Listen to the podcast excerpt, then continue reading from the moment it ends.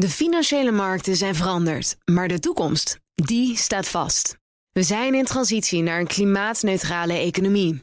Dit biedt een van de grootste investeringskansen van onze generatie. Een kans voor u om mee te groeien met de klimaatoplossingen van morgen. Meer weten? Ga naar carbonequity.com. Carbon Equity. Do good by investing better. Beleggerspanel. Onrust onder beleggers over de stabiliteit van Credit Suisse. En wat staat de nieuwe topman van Philips allemaal te wachten? Dat en meer bespreek ik in het beleggerspanel. En dat wordt vandaag gevormd door Marco Groot, consultant van A Days Week. En hou ook de website marcogroot.com eens in de gaten. En Reiner Wiektma, portfolio manager bij IBS Capital Management. Reiner, heb je ook een eigen website? Uh, ja, ibsca.nl. Oh ja, die zou ik dan uh, traditioneel herhalen. Die krijgt wel genoeg uh, bezoekers. Ja. over tradities gesproken. laatste transactie, daar vraag ik geregeld naar. Zeker in het begin van het beleggerspanel. Maar Reinder, ja, nee, ik zei net al tegen jou dat wij wederom niks gedaan hebben. Maar ik denk toch dat ook in deze tijden niks doen een, een kracht is. En we hebben een hartstikke mooie beleggingsportefeuille met, met ondernemingen waarvan de koersen elke dag voor zo neer gaan. maar onderliggend met die ondernemingen verandert niet zo heel veel gelukkig. Nee, nou dan gaan we naar ander spectaculair nieuws aan de andere kant van de tafel. Marco, wat is jouw laatste transactie? Ja, mijn laatste transactie is eigenlijk vijf jaar en misschien wel 500% te laat. Um, ik heb tien jaar geleden mijn allereerste column geschreven in het FD. En die ging over ASML en die heette Van onschatbare waarde. En ik schreef destijds dat het aandeel tenminste 25% was ondergewaardeerd. En must-have is voor iedere lange termijn portefeuille. Peter Wennick was destijds de CFO van, uh, van ASML. En die nodigde me na het schrijven van die column uit in Eindhoven... om te laten zien dat hij hem ook echt ingelijst had en op zijn bureau had staan. En die eerste vijf jaar mocht ik zelf niet handelen in die aandelen. Omdat ik toen nog in de lock-up zat van de Rabobank. En sindsdien ben ik het eigenlijk altijd vergeten te kopen... omdat het te duur voelde. Maar als belegger mag je natuurlijk, daarom begint Reiner te lachen nu... mag je nooit laten leiden door je gevoel... maar moet je beslissen op basis van waarde. En die waarde is eigenlijk nog steeds onschatbaar groot. Dus vorige week toen er een deuk in het aandeel kwam... dacht ik, jee, nee, ik zit iedere keer op het vinkertouw. Ik moet het nu toch echt een keer doen. En als ik vandaag naar het scherm kijk... dan is het in de afgelopen weken in ieder geval... een buitengewoon prettige transactie ja, geweest. Ja, ja, Dus, dus gevoel, hè? het voelt te duren. Dat, dat hoor je ook wel regelmatig. Ook al is ASML een Nederlandse parel. Je moet toch nog kijken naar wat je betaalt voor een aandeel. En ik begrijp dat nu het aandeel de afgelopen week... toch gevoelig lager stond. En trouwens ook nog wel weer lager staat dan, laten we zeggen, een jaar geleden. Dat geldt voor heel veel aandelen. Dat je denkt dat dit is dan wel het moment? Ja, kijk, we, we zijn bijna gehalveerd van de piek.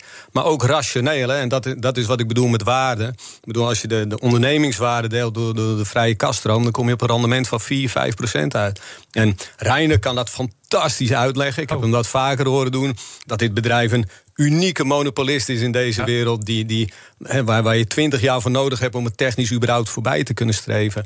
En dat eigenlijk de wereld, de technische progressie in de wereld niet tot stand kan komen zonder ASML. Dus ja, wat is zo'n bedrijf waard? probeer daar maar een waardering nou, op te kan het geweldig uitleggen. Voor een deel is het nu al verklaard door Marco. Maar wat wil je er nog aan toevoegen? Neem aan als het toch geweldig is dat het ook nou in die portefeuille zit. De disclaimer is dat wij het zelf ook hebben. We hebben goed, de column denk ik goed gelezen. Ja. Ehm, en uh, al heel lang geleden besloten om het uh, te kopen. En we houden dat dus ook gewoon vast, ondanks koersbewegingen. Um, wat ASML uniek maakt, is dat ze echt gewoon de enige zijn die een heel belangrijke processtap hebben in het maken van een computerchip. En elke chip, dus bijvoorbeeld in iPhones en zo, zitten nou ja, die computerchips, die moeten steeds kleiner worden, moeten steeds meer transistoren op. En ASML is, een, is de enige partij die die techniek heeft. Die, dat noemen ze die EUV-machines. Dat is met, heel, met lichtstralen of laser en, heel ingewikkeld. Uh, maar zo klein mogelijk printen op een computerplaat. Uh, en daarmee dus die chips maken. En zonder ASML als bedrijf, ja, dan gaan we heel ver terug in de tijd. Uh, en dan wordt het een heel stuk meer. En bestaat er dan, omdat het deze positie inneemt, nooit zoiets als te duur? Niet het oh, zeker wel. Nee, wil beleggen is in die zin niet zo heel ingewikkeld. Als je veel te veel betaalt voor iets heel moois, wordt het waarschijnlijk nog geen goede belegging. Um, maar in dit geval, omdat je zo'n unieke positie hebt en zo ver voor bent op de rest, heb je natuurlijk ook een heel stuk ja, pricing power. Je kunt die machines een stukje duurder maken. En dat zie je natuurlijk over tijd gebeuren. En een ander businessmodel. Dus je kunt veel meer een soort royalty maken op computerchip productie. In plaats van dat je elke keer maar een machine moet verkopen. Uh, en dat is een, uh, ook een mooie ontwikkeling. onderhoud doet er ook toe tegenwoordig ja. van die machines, begrijp ik. We gaan naar een aandeel dat op dit moment goedkoper schijnt te zijn dan een Zwitsers kopje koffie, namelijk Credit Suisse. Na verschillende schandalen komt er een reorganisatie aan. En na een poging van topman Ulrich Körner om rust te creëren, nam de onrust en de geruchten over een faillissement alleen maar toe. Eventjes voor de mensen die het afgelopen jaar, anderhalf jaar niet goed hebben gevolgd. Het is een bedrijf dat struikelt over de topmannen, interne spionagepraktijken, schandalen die te maken hebben met een frauderende kredietverstrekker, een frauderend uh, hedge fund. En is dat wat je nu terugziet in de beweging van de koers en in alle trammeland waar Credit Suisse in verzeld geraakt is? Of speelt er nog weer iets anders?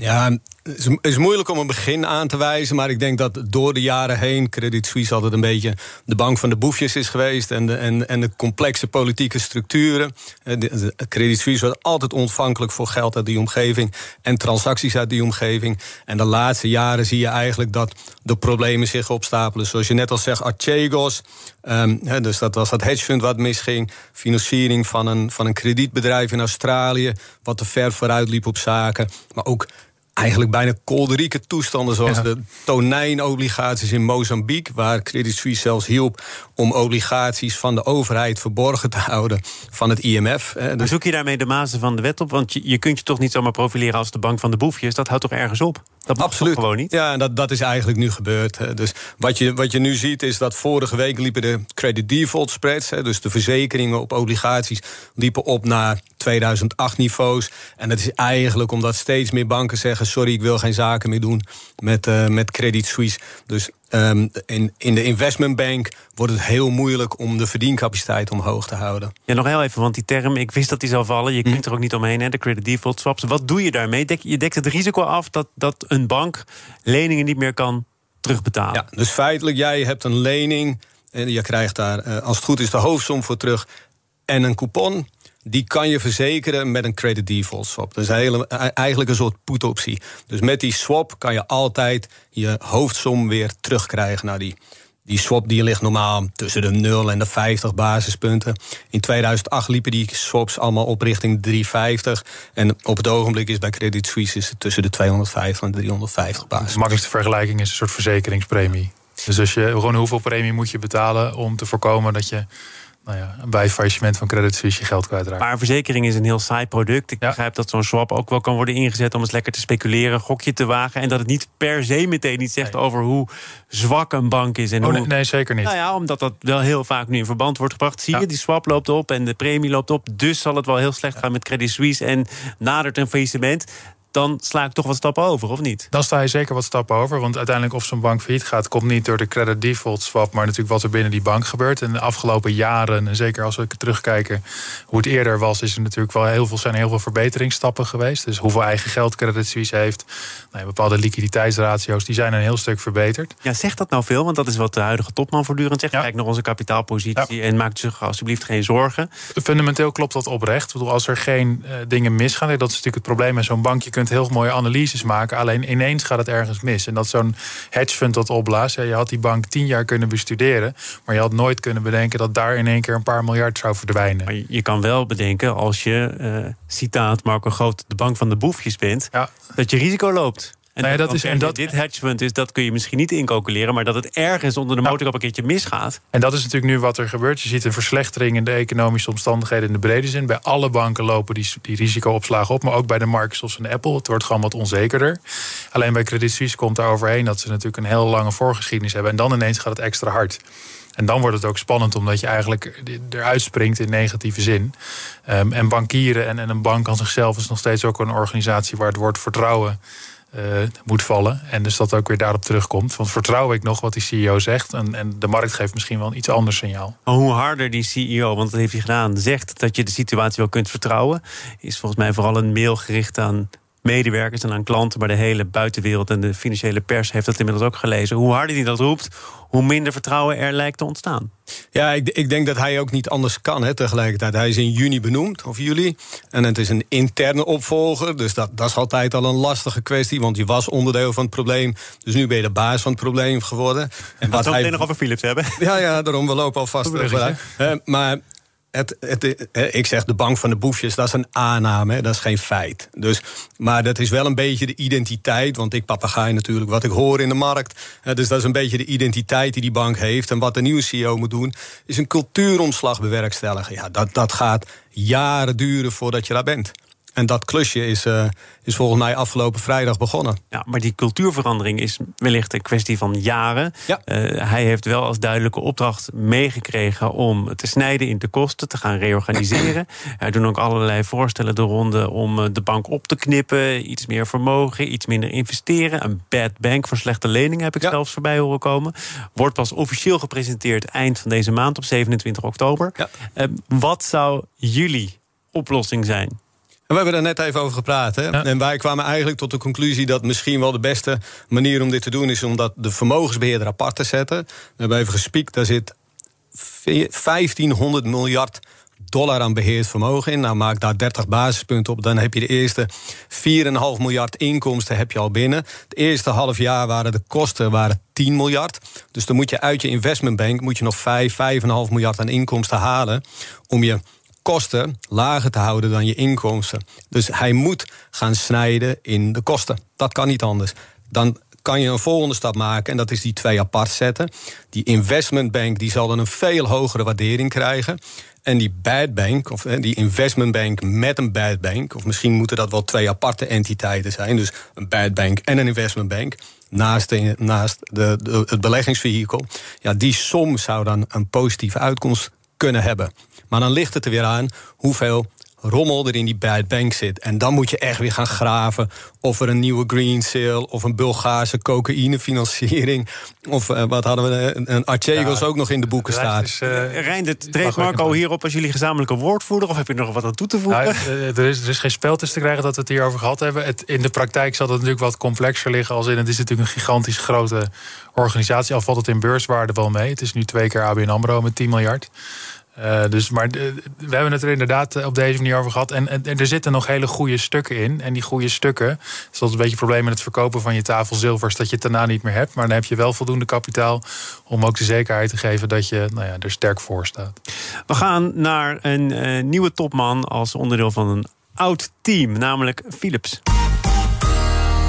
BNR Nieuwsradio. Zaken doen. Thomas van Zeil. Te gast uh, zijn de leden van het beleggerspanel Marco Groot, Reiner Wietsma. Ik zeg dat met nadruk omdat Frans van Houten, degene die vrijdag officieel ook vertrok, uh, zei dat hij trots was dat er iemand, een lid van zijn team, nu als opvolger was benoemd. En ik meen dat het de VEB was. Doe dat nou alsjeblieft niet, uh, want we willen het anders dan het ging. Dus als jij nu de lijn van Houten gaat voortzetten, hebben we wel een begin van een probleem. Het gaat hier over Roy Jacobs. Um, hij zei, en dat is wel een trendbreuk als je het afzet tegen wat Van Houten altijd naar buiten heeft gebracht. Wij zitten in een crisis, een fundamentele crisis. Een woord dat Van Houten altijd probeerde te vermijden. Is het goed dat hij toch probeert dat dan aan beleggers en andere belanghebbenden duidelijk te maken? Ja, want het, het, feit dat ze een gigantisch probleem in handen hebben is, is, is bekend. Alleen het is ook heel prettig als dat vanuit de organisatie wordt benoemd. En het liefst, denk ik, als je als nieuwe CEO aantreedt, wil je in het begin het misschien nog wel wat overdrijven. Uh, zodat je ook wat ruimte hebt om een keer positief uh, mee te vallen. Want als je continu terug moet komen met het is toch iets erger, het is toch iets erger. Nou ja, het heeft iets met bankieren te maken qua vertrouwen. Uh, maar als je continu daar dus weer terug moet komen, dan sta je er op een gegeven moment natuurlijk heel slecht voor, omdat iedereen zoiets heeft van je zegt dit nu wel, maar. Dit is niet zomaar een lid van het team van Houten. Ik ja. stop hier naar mee hoor. Maar dit is ook de man die de afgelopen jaren al verantwoordelijk was voor de divisie waar die slaapapneeapparaten onder vielen. Die verantwoordelijk was voor de terugroepacties, voor het overleg met de toezichthouders. Kortom, alle dossiers waar we de afgelopen periode Philips ook regelmatig mee in het nieuws kwamen komen. En niet per se positief. Geeft hem dat nu Marco een voorsprong, namelijk de man weet waar het over gaat, of een achterstand, want hij is er kennelijk die afgelopen jaren ook niet in geslaagd om dit in goede banen te leiden. Misschien moeten we zeggen dat hij een, eh, een informatievoorsprong en een reputatieachterstand heeft eh, op dit moment. Dus de informatievoorsprong is natuurlijk dat hij er heel diep in zit en al jaren verantwoordelijk hiervoor is. Um, de reputatieachterstand is dat het een interne benoeming is en dat hij al onderdeel van het probleem was. Dus waarom ben je er niet eerder hard opgesprongen? Hij was geen lid van de raad van bestuur, maar dat laagje daaronder. En een van de dingen die hij van de week even zegt is dat, ik heb het even genoteerd, een betere kwaliteitsbewaking in de productie van medische apparatuur als een absolute prioriteit ziet. Dat was de business waar hij al verantwoordelijk voor was. Dus had hij eerder moeten ingrijpen? Misschien wel. Um, had hij er wat aan kunnen doen? Dat, we, dat, ja, dat weten we echt niet. Dat is zo moeilijk om te beschouwen vanaf de buitenkant. En laten we al die, al die processen binnen Philips dan toch ook maar even buiten beschouwing van dit panel laten. Waar het beleggers om te doen was. Of het nou eh, Medion is voor de grote institutionele belegger. Of de VEB voor de particuliere belegger. Is een andere manier van communiceren met je aandeelhouders. Niet altijd defensief. Niet altijd proberen toch maar te redden wat te redden valt. Maar gewoon met een open vizier. Eerlijk zeggen waar het op staat. Um, is dat iets wat je met een nieuwe topman dus makkelijker voor elkaar kunt krijgen? Zie hier de woorden crisis die hij al in de mond genomen heeft. Ja, het is absoluut makkelijker voor hem om, om die woorden te gebruiken.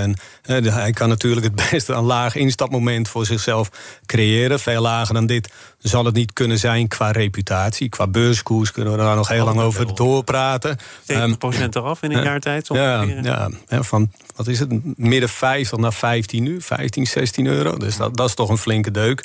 Uh, maar hij, hij, hij zal nu echt heel open en duidelijk moeten communiceren. Maar het is ook een feit dat ze niet precies weten wat er gaat gebeuren. Ze hebben voorzieningen genomen voor die slaapapneuapparaten. Maar er komt nog een class action achteraan waar niemand van weet wat de uitkomst gaat zijn.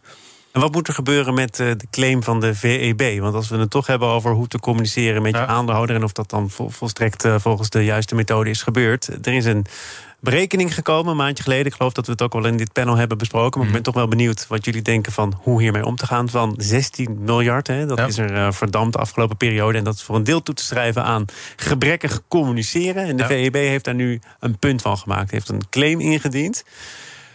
Hoe daarmee om te gaan? Theoretisch heb ik dit altijd een heel. Uh, nou, heeft altijd een glimlach op mijn gezicht gebracht. Omdat je eigenlijk met je broekzakje vestzak aan het, aan het aanklagen bent. Dus er is, je kunt wel als VEB naar Philips gaan en zo'n claim indienen. Maar dat gaat dan ten koste van de aandeelhouder die de claim indienen. Dus ik denk dat het signaal dat, dat de VEB inmiddels wil geven veel belangrijker is dan wat er praktisch mee gaat gebeuren. Want als aandeelhouder schiet je er gewoon niet zoveel mee op en ben je uiteindelijk veel meer gebaat bij het feit dat die onderneming weer on track komt. Maar welk signaal is dat dan? Dan heb je het signaal eh, afgegeven en dan? Nou ja, dat is het probleem. Je kunt jezelf niet aanklagen. En de VEB zegt hiermee natuurlijk heel duidelijk: ja, dit, jullie slechte communicatie kost ons, de belegger, ongelooflijk veel geld doe daar wat aan. Nou, dat punt herhalen ze nu ook direct door erop te springen op het moment dat iemand zegt je komt uit de stal van Houten. Dat is natuurlijk ook eh, niet de bedoeling. Dus die communicatie is waar ze heel erg op zitten. Um, en dat signaal is natuurlijk echt wel gegeven ook aan de top van Philips. Met die bedragen en zo'n claim. Alleen als aandeelhouder ja, ik zou willen dat het zou kunnen, maar als je jezelf kan aanklagen en er rijker van kan worden, dan heb ik een nieuw businessmodel ontdekt. We gaan in een recordtijd nog even naar een ander bedrijf van een andere omvang, maar het rommelt binnen BNS Group, dat zich onder andere bezighoudt met de verkoop van belastingvrije producten op vliegvelden en veerdiensten. De investeringsmaatschappij van de meerderheidsaandeelhouder Willem Blijdorp wil het bedrijf nu van de beurs halen, maar er zit een president-commissaris in de weg en de andere externe commissaris, Kitty Koelemeijer. Eh, die hele raad bestaat uit vier commissarissen, namelijk meneer Blijdorp zelf en zijn zoon. Um, en uh, het staat nu heel laag genoteerd, lager dan de introductiekoers. Dus het is voor Blijdorp zelf misschien een gunstig moment om te zeggen: Nou, ik haal het van de beurs en ik geef het weer een nieuwe toekomst. Maar uh, hij wil nu dat die president-commissaris vertrekt. En hij roept een vergadering uit om dat voor elkaar te krijgen.